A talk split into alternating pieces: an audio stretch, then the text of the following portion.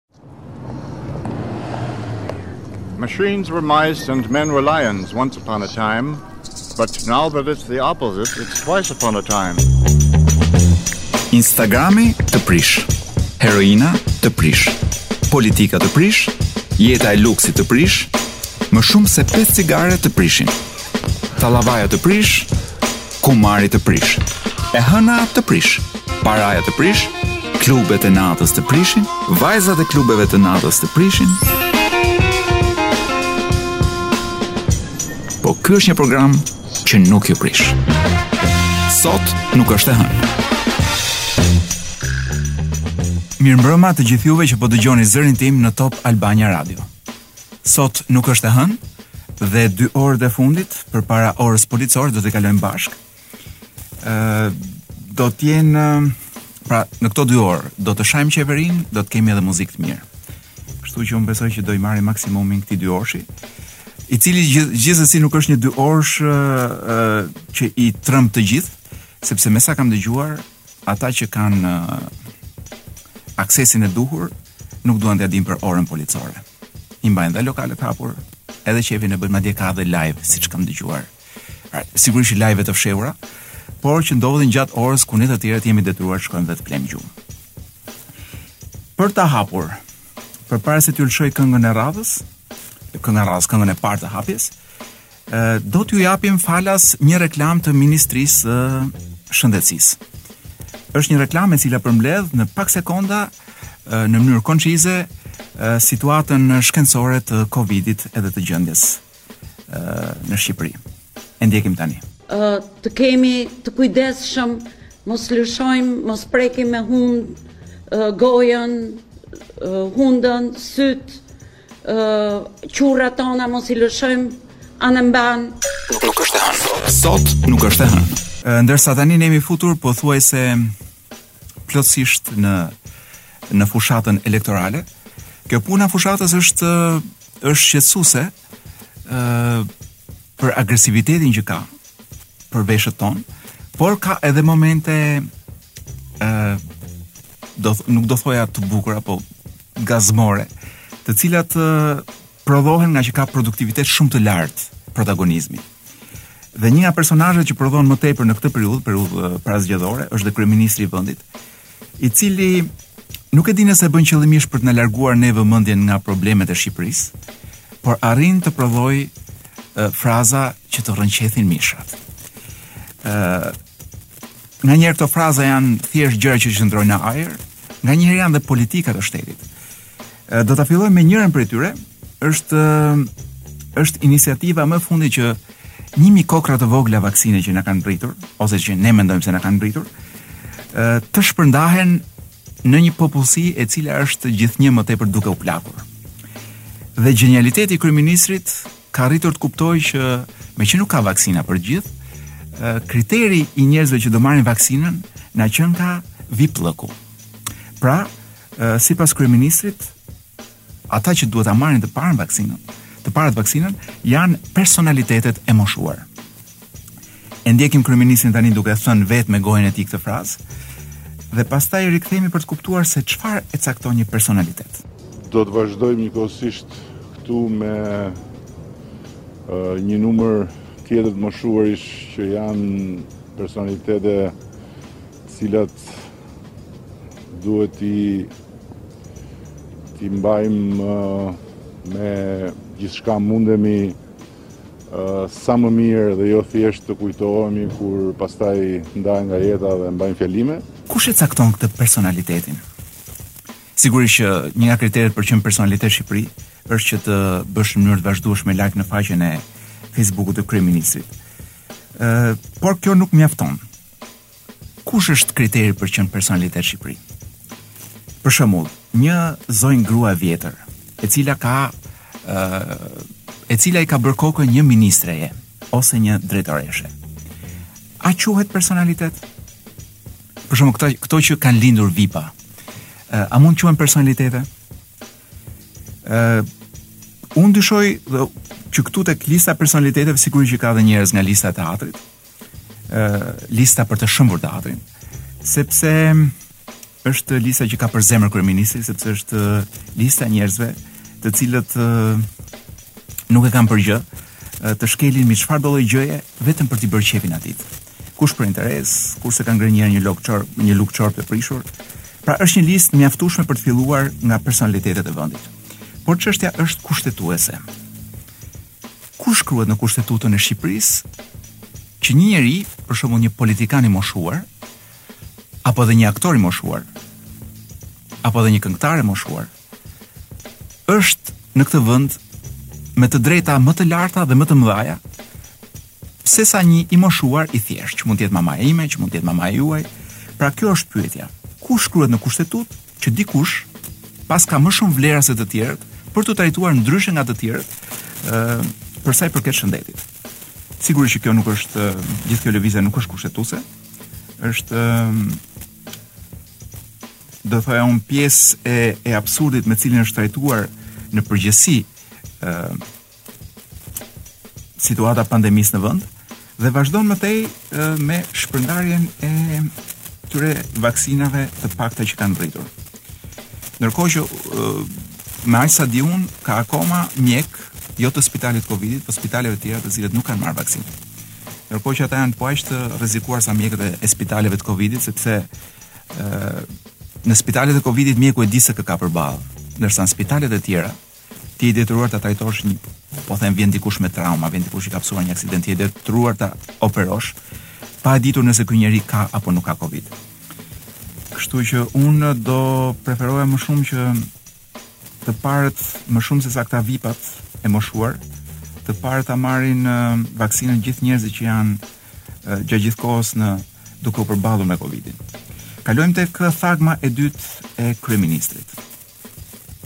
Kjo është ë kjo është nga ato frazat që ne do t'i ndjekim tani, por kjo është nga ato frazat që flasin shumë për mentalitetin e qeverisjes së kryeministrit.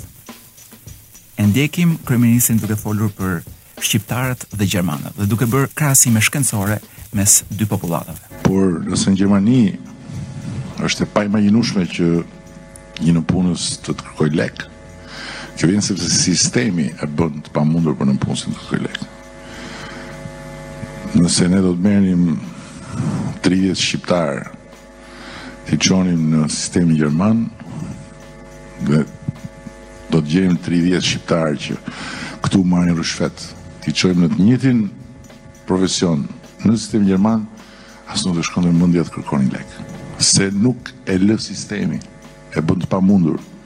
Nëse do, do merrnim tridhjetë gjermanë, t'i fusnim në ato sisteme këtu, që janë të pa, të pastrukturuara akoma, të jeni të sigurt që Herët ose vonë, sepse nuk janë njerëzit që e korruptojnë sistemin, është sistemi që i korrupton njerëzit. Pyetja e parë që lind është kjo, nga i njeh kryeministri gjermanët kaq mirë, për shembull, që flet me siguri për një komb, për një popull tjetër.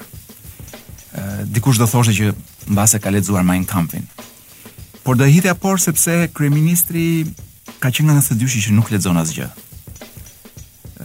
e vetmja gjë e zgjuar që bën është që takon njerëz që kanë lexuar gjëra.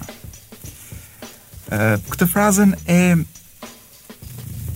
e sistemit ë që prishka edhe gjermanët e ndershëm, e kam dëgjuar nga goja e kryeministrit që në 2012, pra është një është një refren e tij.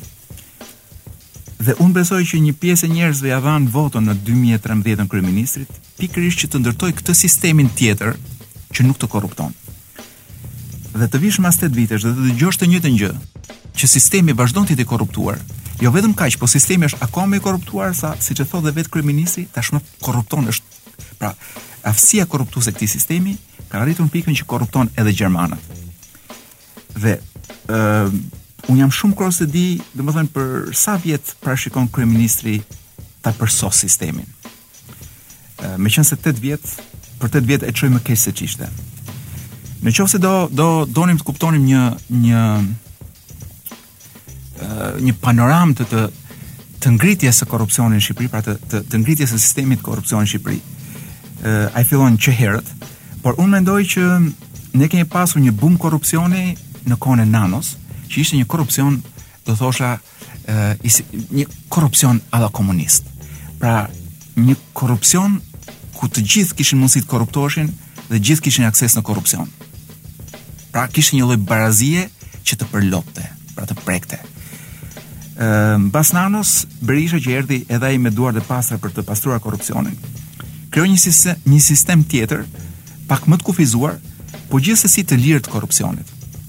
Pra ti mund të korruptoje dhe mund të korruptoheshe dhe mundësia ishte gjithashtu e, ishte aty për të gjithë. Ndërkohë që me ardhjen e Ramës në pushtet, korrupsioni u monopolizua dhe dikush sigurisht një filozof i i i së majtës shqiptare kuptoi që korrupsioni nuk mund të jetë një e drejtë e të gjithëve. Korrupsioni është vlerë vetëm për ata dhe e, një e drejtë vetëm për ata që janë në pushtet. Dhe meqenëse ne fituam votat, ne tashmë kemi edhe monopolin e korrupsionit. Dhe me këtë me këtë sistem që kemi mbritur, ë siç e thotë dhe vetë kryeministri, jemi në pikën që ne mund të korruptojmë pa frikë edhe gjermanët. Pra, sistemi i korrupsionit është kalcifikuar kaq shumë saqë edhe njeriun më të ndershëm në botë mund ta korruptojë, sepse ky sistem në fakt ka një veti unike. Nuk të lë rrugë tjetër. Pra, o do korruptohesh, o do ikësh nga Shqipëria. Ndryshe nuk jeton dot. Dhe për këtë e dimë gjithë se kë duhet të falënderojmë njeriun i cili mori përsipër të rregullonte sistemin përpara 8 vitesh. Dhe meqenëse kam vënë re që kur flitet për kryeministrin, tendenca e njerëzve është për të ndërruar kanalin e radios apo kanalin e televizorit. Ë ndër halucinacionet e javës që kaloi, kryeministri ka lëshuar edhe një tjetër, dhe ky është më artistiku prej tyre. Ë është nga ato fraza që të bëjnë të pyesësh veten, çfarë pin këta mo? Pra çfarë pin këta që ta pim dhe ne, që të frymëzohemi, të ngrihemi moralisht, të fillojmë të jetojmë në një realitet tjetër. Dëgjojeni ç'ka thënë. Kullat që janë ndërtuar në Tiranë, të paktën këto që janë bërë nga arkitektët e huaj, këto të mëdhaja, këto që janë si dhe ikonike, janë uh, vepra arti. Pra, sipas kryeministrit, kullat e Tiranës janë vepra arti. Në fakt, për një njeri që mendon që vepra arti janë dhe çorapet e veta, un nuk habitem dhe për këtë frazë. Ë vetëm se un vajta dhe bëra pak research në lidhje me këto vepra të artit. Dhe kam harxhuar gjysmë orë nga jeta nga jeta ime për të verifikuar ë se ç'janë veprat e artit në ë, arkitekturë. Konkluzioni është që kryeministri ë nuk ka haber shumë nga arkitektura. Ë sepse Dhe po i përgjigjem me fjalët e një prej arkitektëve më të rëndësishëm në botë, më i rëndësishëm sepse është i pari që ka ndërtuar uh, gradaçelat e para, i cili ka thënë ti nuk mund ta shohësh arkitekturën si një vepër arti, pra si kryeministri, qoftë kjo e keqe apo qoftë kjo e mirë. Por duhet ta shohësh atë si një manifestim social. Pra arkitektura nuk është më një pikturë, një zhgarravinë e jotja që kur ti e sheh të duket e bukur. Arkitektura është diçka shumë më e madhe se kjo. Është pra një vepër manifestimi social. Dhe çfarë na manifestojnë kullat e Tiranës? Çfarë gjëje sociale, çfarë gjëje shoqërore, çfarë gjëje, çfarë vlere nga shpirti i shqiptarit na transmetojnë këto kulla? Përveç fakti që janë kulla që shprehin kryesisht arrogancë dhe dhunë ndaj gjithë pjesës tjetër të peisazhit. Imagjinoni këtë kullën që po bëhet më njëherë mbi sahatin e Tiranës. Ë, përveç këtyre po t'i shohësh, njëra më ngjan si arkivol. Po të shohësh aty, nuk po i vë dhe emra, po ju i kuptoni vetë cilat janë. Një tjetër atje ngjan si si një fallus i smur. Çfar çfar vepre arti mund të shohësh këtu? Un pash uh, për gjysmë ore uh, me dhjetra kulla të ndërtuara në botë që kur i sheh vërtet ti do të kap të kap një shtrëngim në gjoks, sepse ti e kupton që po sheh një gjë shumë të bukur. Mund të jenë të larta, mund të jenë gradaçela, por janë shumë të bukura. Ndërkohë që kur hedh sy te këto kulla që kryeministrit i duken vepra arti, ti nuk sheh asgjë të të frymëzojë. Unë nuk nuk di nëse ka njeri në Tiranë, përveç antarëve të FRESH-it, të cilët ngrenë sytë dhe u knaqet syri me këto vepra.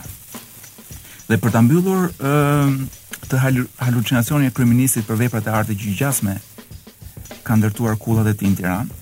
Them kullat e tij sepse janë të vetat. Sepse janë të miratuara nga ai, të frymëzuara ai, nga ai, të kërkuara nga ai e shumë gjëra tjera nga ai.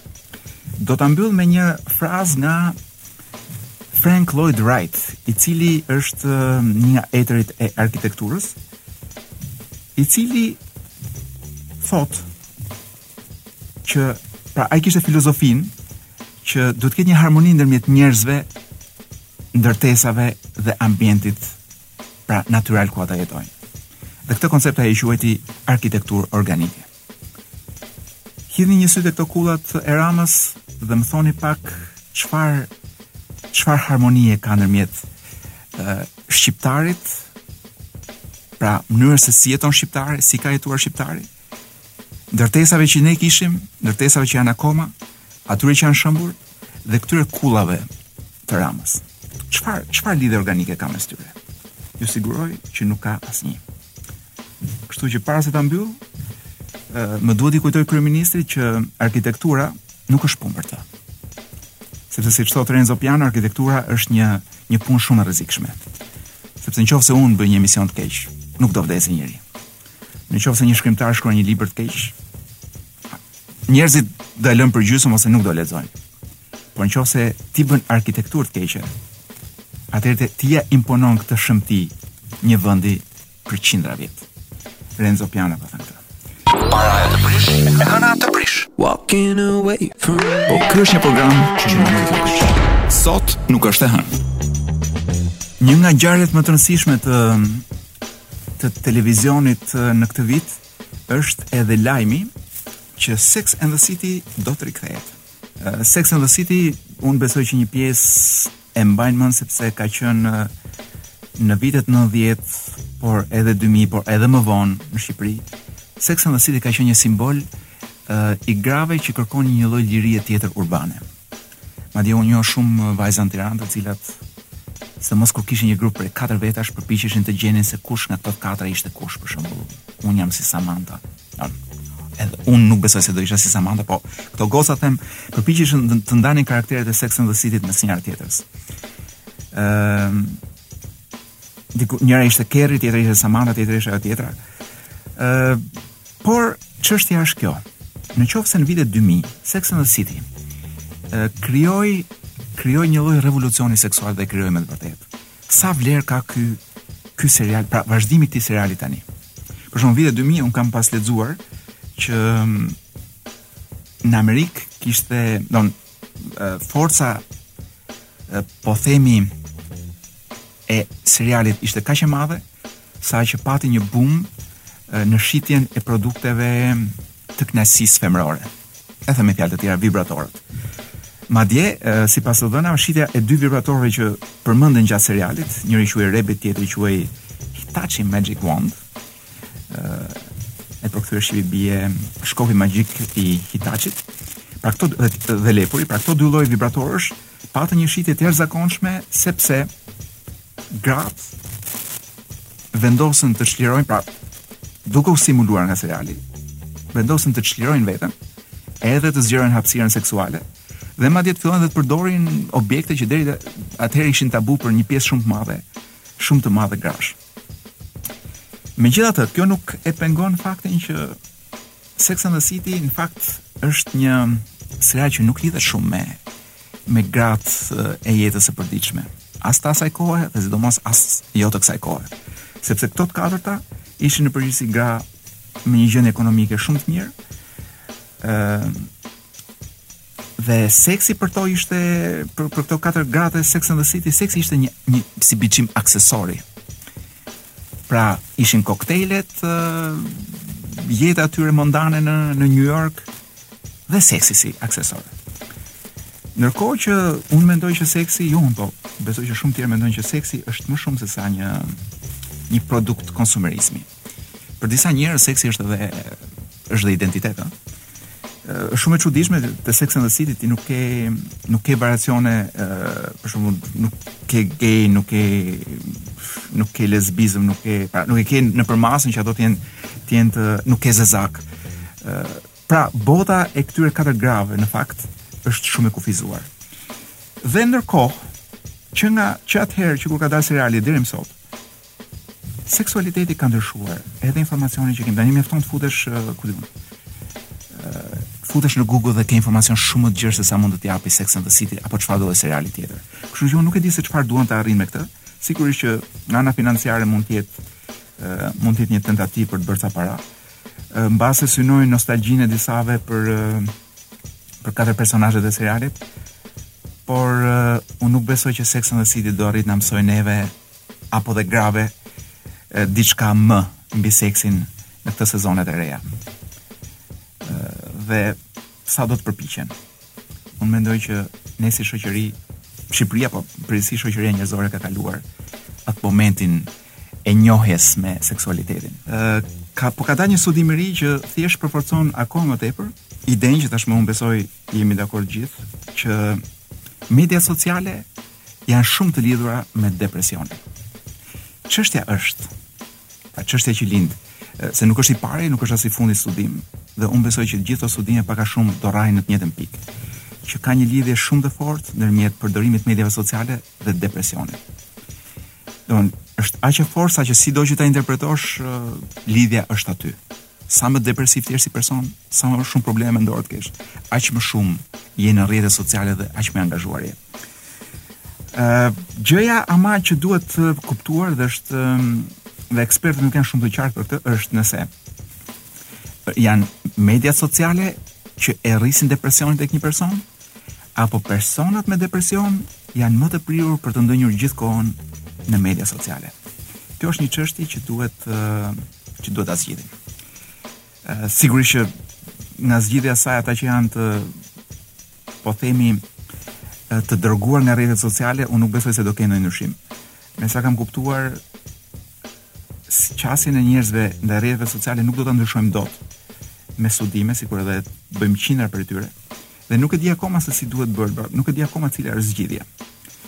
Ë shkencëtarët supozojnë që Zgjidhja është kjo, të mos ikësh nga media sociale, por thjesht të fillosh gradualisht të kufizosh kohën që kalon aty. Në qoftë se ju shihni te celularët tuaj, nuk është çudi që të kaloni 3-4 orë në ditë duke uh, shfletuar media sociale. Dhe mua më duket, ky 3-4 orësh më duket një 3-4 orësh i çuar, le themi, për Lanë. Pra, duke u kthyer edhe një herë tek problemi i depresionit, ka gjithashtu një teori të tretë, e cila po gjen gjithnjë më tepër mbështetje mes këtyre shkencëtarëve. Kjo teori thotë që truri jonë janë mënyra pra se si truri jonë ndërvepron me informacionin në media sociale. e cila fillon gradualisht dhe e degradon atë. Domethënë, mënyra se si truri jonë ndërvepron me media sociale, çfarë bën? Ndikon tek proceset e, e vepruese, operuese të trurit, duke i dëmtuar ato, pra duke u hequr shëndetin, dhe duke i sëmurur pak nga pak. Dhe më e keqja është që aktiviteti që ne bëjmë në rrjetet sociale ka një si pra sa më shumë aktivitet kemi, aq më shumë stimulohemi për të kaluar dhe më shumë kohë në rrjetet sociale. Dhe për ta, si me thënë, për ta përmbledhur, ë vazhdojnë dhe gjenden gjurmë në trurin tonë që janë pak a shumë si efektet e drogës. Pra, kur ne futemi në rrjetet sociale në trurin tonë aktivizohen pak a shumë të njëjtat fusha që janë dhe ato të cilat zhvillohen gjatë përdorimit të drogave të rënda. Kështu që më shumë se kaq nuk di çfarë të them. Kufizoni kjo është e vetmja zgjidhje. Kufizoni kohën tuaj në rrjetet sociale. Nuk nuk është e hënë. Sot nuk është e hënë. Një nga ngjarjet më interesante të javës së kaluar ishte edhe përplasja ndërmjet dy gjigantëve. Ëh, ndërmjet gjigant njëri gjigant ishte Facebooku, ë um, që do thoja unë është qeveri më vete dhe tjetri ishte qeveria e Australisë. Një përplasje shumë e fortë kjo, meqenëse parlamenti australian është në procesin e kalimit të një ligji i cili quhet pra një ligj i cili është kërkon një një marrëveshje të detyrueshme ndërmjet mediave dhe platformave digjitale. Praktikisht është një ligj i cili detyron Facebookun dhe Googlein që t'i paguajnë botuesit e mediave. Në qoftë se pra ata mbajnë për mbajtjen e këtyre mediave në platformën e tyre. Don ky ligj ka ardhur si rrëdhojë e shumë ankesave nga mediat australiane, ë të cilat shohin që paratë ë e informacionit shkojnë kryesisht tek Facebooku dhe nuk vijnë tek mediat vetë. Pra ti prodhon media prodhon ë lajme, prodhon përmbajtje, content, Kjo përmbajtje është e gjitha nëpër Facebook edhe kjo e pasuron Facebook-un sepse njerëzit një pjesë e madhe e njerëzve shkojnë në Facebook për të lexuar lajmet dhe për t'u informuar. Pra Facebook-u arrin të joshë njerëzit me këtë përmbajtje, por nuk paguan asgjë për të. Dhe me anë të këtij ligji i kërkohej Facebook-ut, Google-it dhe shumë gjigantëve të tjerë, të cilët Twitter-it, të cilët pra kanë hostojnë, mbajnë në platformat e tyre përmbajtje mediatike që t'u paguajnë atyre një pjesë nga fitimet e tyre, që vijnë pikërisht nga leximi i këtyre informacioneve në këto media. Qasja, për shembull, dhe Google-i dhe Facebook-u patën një qasje shumë të ndryshme. Google-i vendosi të fillojë marrëveshjet me botuesit e mediave australiane. Ndërkohë që Facebook-u vendosi të bënte rolin e gangsterit gjëja që bëri Facebooku ishte që brenda natës thjesht i fshiu të gjitha faqet informative australiane nga Facebooku. U ngritën në mëngjes, para 2-3 ditësh, australianët dhe panë që nuk kishin më, jo vetëm nuk kishin më lajme, por nuk gjenin dot më as ministritë e tyre, madje as zjarrfikëset. Pra Facebooku, që është stili i tyre i njohur tashmë, pa asnjë lloj paralajmërimi dhe me një qasje tipike prej gangsteri, i kishte hequr të gjitha informacionet, të gjitha faqet nga pra jo vetëm lajmet, pra jo vetëm faqet e lajmeve, po edhe shërbimet e tjera, siç thashë zjarrfikëset e tjera e tjera, të gjitha i kishte hequr. Dhe përveç se Facebooku siç më thanë, në Australi ngjante si një magazinë bosh. Ë, por gjëja që kishte mbetur në Facebook ishin ë faqet për alienët, faqet e teorive konspirative, faqet që tregojnë se si Bill Gatesi po shkatërron botën dhe do të na fusi çipa nëpër vaksina etj etj. Pra gjitha këto që janë e, praktikisht lajme të rreme gëlonin në Facebookun e Australisë. Ndërkohë që e, botuesit nuk ishin atje. Sigurisht kjo kjo lloj përplasje nuk mbaroi me aq. Pati një reagim shumë të fortë nga ë kryeministri i Australisë, i cili tha veprimet e Facebookut për të unfriendur, pra për të ë për ta hequr nga miqësia Australinë sot dhe për të dhe për të ndërprerë informacion esencial të shërbimeve të shëndetit dhe të emergjencës sot, ishte arrogant edhe shumë zhgënjyes. Dhe fjalia që është shumë e bukur, e thënë nga kryeministri australian, ata ndoshta po ndryshojnë botën, por kjo nuk do thotë që ata e drejtojnë botën. Dhe unë besoj që ky është esenca e problemit.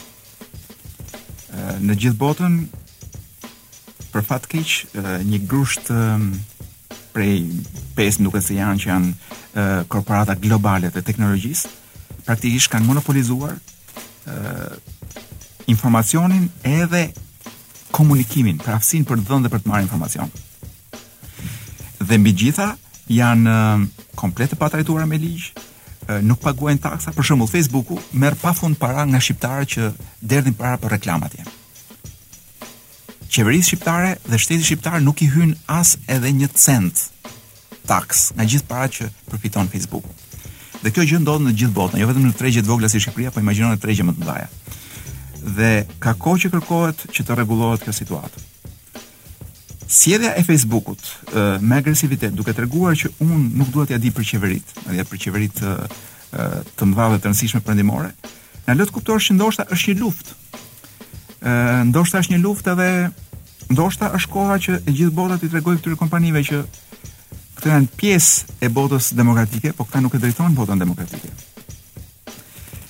Kështu që dominanca e këtyre pesë korporatave të mëdha siç e kanë thënë edhe disa të tjerë ëm kritikë i sjellin të njëjtin rrezik ekzistencial demokracive liberale ku ne jetojmë, të njëjtin me atë që kanë pasur e, trustet e mëdha të industrisë në Amerikën e shekullit 19.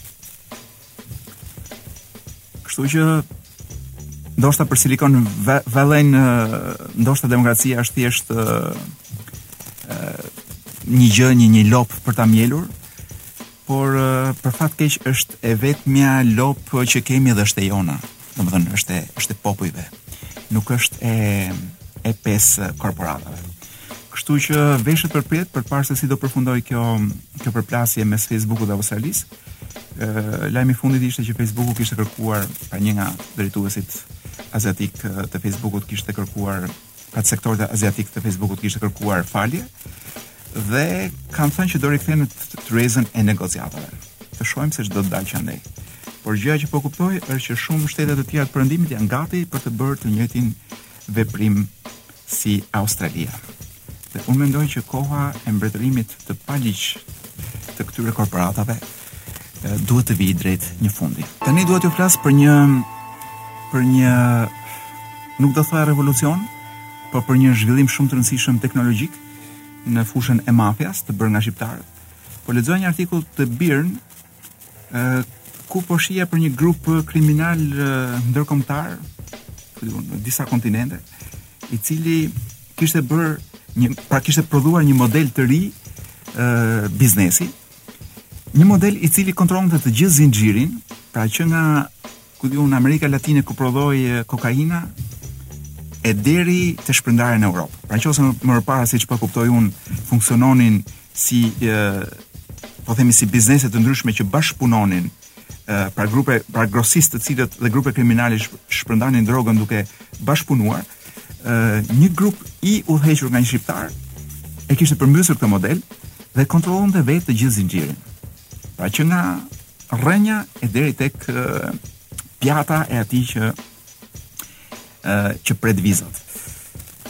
Dhe ky ky personazh është një 40 vjeçar, me sa duket i lindur në Vlorë, quhet Dritan Rexhepi, qënka kapur prej disa muajsh, unë po lexoja një artikull të BIRN-it, Ëh, është një personazh me sa duket shumë simpatik ky sepse shoh që është arratisur dy herë nga burgu në Europë, një herë në Itali dhe një herë më duket në Spanjë. Ëh, është një një narkos në gjitha pikëpamjet. Është tashmë në burg në Ekuador, ku me sa duket burgjet janë çik më më të sigurta se sa në Europë. përderisa ky nuk është arratisur akoma. Dhe që nga Ekuadori, pra që nga burgu i Ekuadorit, ky organizonte dhe udhëhiqte gjithë atë kartelin e narkotrafikut. Ë, madje kishte një markë të vetën, e kishte quajtur Belo. Ç'mund të presësh nga një djalë nga Vlora, domethënë me me atë sensin ë vlonjat për të bukurën. Ë, ky sigurisht një kriminel ë shumë simpatik, sasi të pafundme kokaine të transportuara, para të pafundme, një një nga këto një nga këta prokurorë shqiptarë paska thënë që një kapacitet i tillë mafioz dhe ekonomik është një rrezik shumë i madh për rendin dhe sigurinë publike në Shqipëri, ka thënë, pasi kemi të bëjmë me një potencial shumë të madh ekonomik dhe kriminal njëkohësisht. Është akoma nën hetim, vazhdojnë janë kapur me dhjetra njerëz anëtarë të këtij rrjeti mafioz të ngritur nga ky Dritan Rexhepi, i cili me sa shoh përdor ka dhe emrin Gramoz, pra nuk i ndahet uh, traditës shqiptare. Uh, I cili paska thënë në një intervistë para do kohësh, paska thënë që iu fut drogës sepse donte të siguronte para për shkollën. A ka gjë më të bukur se sa etja e këtij djalit nga Vlora për sh për shkollën? Tashi ë uh, unë njoh njerëz që punojnë për shkollë, për shkollën, punojnë kamarierë edhe prostituta nganjëherë. Po ky ishte më kështu më më më i dashuruar akoma me shkollën sepse ngriti një perandori të tërë kokaine. Ndoshta nuk donte shkollën në Tiranë, në Vlorë jo, jo. Me siguri po po investonte për Harvardin. Domethënë me kaq shumë para dhe kaq shumë drogë sa ka bërë. Por fakti që ky të gjithën e kthen tek ëndrra e tij për të bërë shkollë, më duket një gjë shumë e bukur. Kaq shumë artistike nga ana e tij. Ë shtatë gjëra të cilat njerëzit që janë të pasur nuk blejnë. Ë po më shumë se sa këto shtatë gjëra si numër, Po shikoja pak filozofinë e këtyre njerëzve që janë të pasur, të cilët në fakt kanë disa kritere në mënyrën se si i shpenzojnë paratë. E para, ë në përgjithësi këta paskan filozofinë që shpenzojnë vetëm aq sa mendojnë që mund të përballojnë. E dyta, tendenca e tyre është që ta ruajnë paratë dhe ta rrisin dhe jo ta shpenzojnë. Tani, kjo nuk vlen në qoftë se ju keni për të shpenzuar paratë e babit ose të burrit. Pra kjo që do them tani nuk vlen për ju. Për të tjerët ndoshta mund të ketë një lloj vlere sepse të tregon çfarë gjërash nuk është e nevojshme të bësh. Është bërë madje shoh me kuriozitet edhe një studim tek shumë njerëz të pasur dhe konkluzioni është që këta milionerët që ne na duken y, në fakt bëjnë një jetë ndryshe nga ajo që ne mund të mendojmë, mund të mendojmë se ata bëjnë. Gjëja e parë për shembull, ata nuk blejnë makina të modelit të fundit të vitit të fundit. Dhe e kanë thjesht filozofi, jo se nuk kanë mundësi ta përballojnë, por kanë kuptuar që një makinë e re humbet 10% të vlerës së saj që në muajin e parë dhe 20% të vlerës që në uh, vitin e parë të jetës si makinë. Gjithashtu këta me sa marr vesh edhe nuk i marrin edhe kur shkojnë për të pra kur kanë mundësi nuk i marrin me qera makinat. Ë gjë tjetër është që nuk blejnë shtëpi që nuk i përballojnë dhe që nuk u duhen. Pra nuk kanë ten, kanë tendencën që të mos blejnë shtëpi jashtëzakonisht të mëdha me 40 dhoma kur janë vetëm dy veta në shtëpi ose tre vetë ose edhe një njeri ndoshta tek punë në shtëpi. Kështu që dhe parat preferojnë t'i shpenzojnë në forma të tjera ose t'i investojnë. dhe mbi gjitha, me sa shoh unë, njerëzit që kanë para tentativën e kanë për të investuar në planet e pensionit. Në mënyrë që pensionin ta kalojnë si zotërinj. ë nuk blejnë gjëra me karta krediti, gjëra që nuk mund t'i përballojnë, qofshin këto që nga gjëra që bëjnë 20 euro apo që bëjnë dhe 2000 euro, apo që bëjnë dhe 20000 euro. Dhe kjo është një nga mënyrat e tyre për të kursyer, pra mos e përdor kurrë ë kartën e kreditit, sepse është para e marrë borxh. Dhe kryesorja është që nuk blejnë në kryesor, kryesorja për mua nga mënyra si e perceptoj unë, ë është që nuk blejnë ose nuk kanë tendencën për të blerë para nga marka luksi. ë sepse nuk e kanë të rëndësishme, ata janë të pasur, dinë që kanë para. dhe nuk e kanë të nevojshme që ta shfaqin.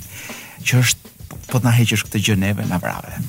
Pra po t'i heqësh një shqiptari të pasur, mundësinë që ta tregojë që ka para, që nga ato që nga ajo DG-ja apo Gucci që ë vetëtin në trupin e tij apo në çantën e saj etj etj.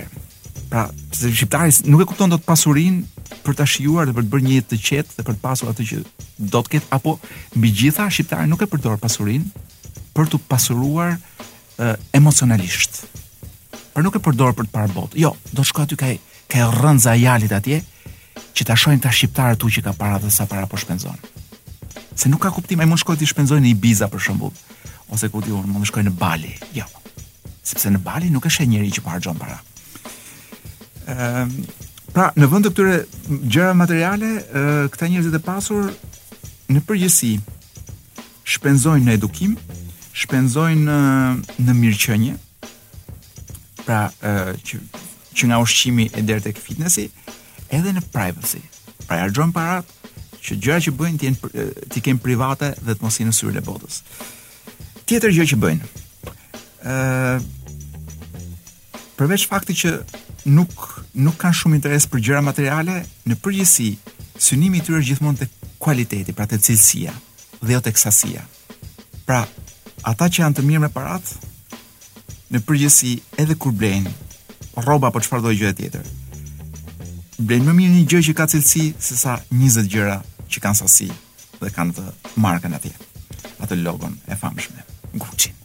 Më duket se është Gucci në modë, më shumë se sa Dolce Gabbana mes këtyre parvenyve të Tiranës. Ë dhe për ta mbyllur, gjëja që bëjnë ata kur martohen është që të bëjnë ca pushime dhe ta shijojnë martesën. Dhe në përgjithësi rrinë larg dasmave shumë të kushtueshme. Një tjetër gjë që një shqiptari nuk ia thua dot. Sepse Nuk e di pse shqiptarët që përveçse marrin kredi për të bërë dasma, por dasma u shkon sa ç'do shkonin 5 vjet pushime njëmujore në Greqi. Pra një natë e tyrja shkon në përgjithësi sa ç'do ishin 5 muaj qef të shpërndarë në 5 vite dhe në një vend ku realisht bëhet qef që është Greqia. Ama preferojnë dasmën ndaj këtyre pushimeve. Pa folur pasaj që pasaj divorcohen, Ajo e shkreta që kishte marrë edhe kredinë për të paguar dasmën, është e detyruar ta detyruar ta paguajë gjithë kredinë vetë, për një dasmë që ka marrë fund e të tjera të tjera. Nuk, nuk është e hënë. Sot nuk është e hënë. Unë po lexoja për dikë i cili ka peshuar ka peshuar San Franciscon, sigurisht me këto metodat e përziera, dhe që mendon që ky ka bërë një studim gjatë për këtë, mendon që këto parametra mund të mund të përshtaten me çfarëdo qyteti në botë. Dhe del që peshoka goxha, jo vetëm peshoka goxha, po pesha e qyteteve, peshë reale, peshë fizike, ë me shumë gjasa do të jetë një nga arsyet pse pra qytetet do të zhduken në të ardhmen. Sepse peshojnë shumë dhe me ç'po lexoj këtu San Francisco është çdo 10 vjet zhytet disa centimetra. Madje një nga këto zonat në qendër të San Francisco, një nga këto kullat, na qenka zhytur 4 cm vetëm në 10 vitet e fundit. Epo ju e dini kur vjen ajo dallga e madhe e tsunamit, edhe 1 cm vlen. San Francisco, për cilin po ju flisja, që është një qytet pra zona, jo vetëm qyteti, po zona, Ka një zonë që e quajnë San Francisco Bay.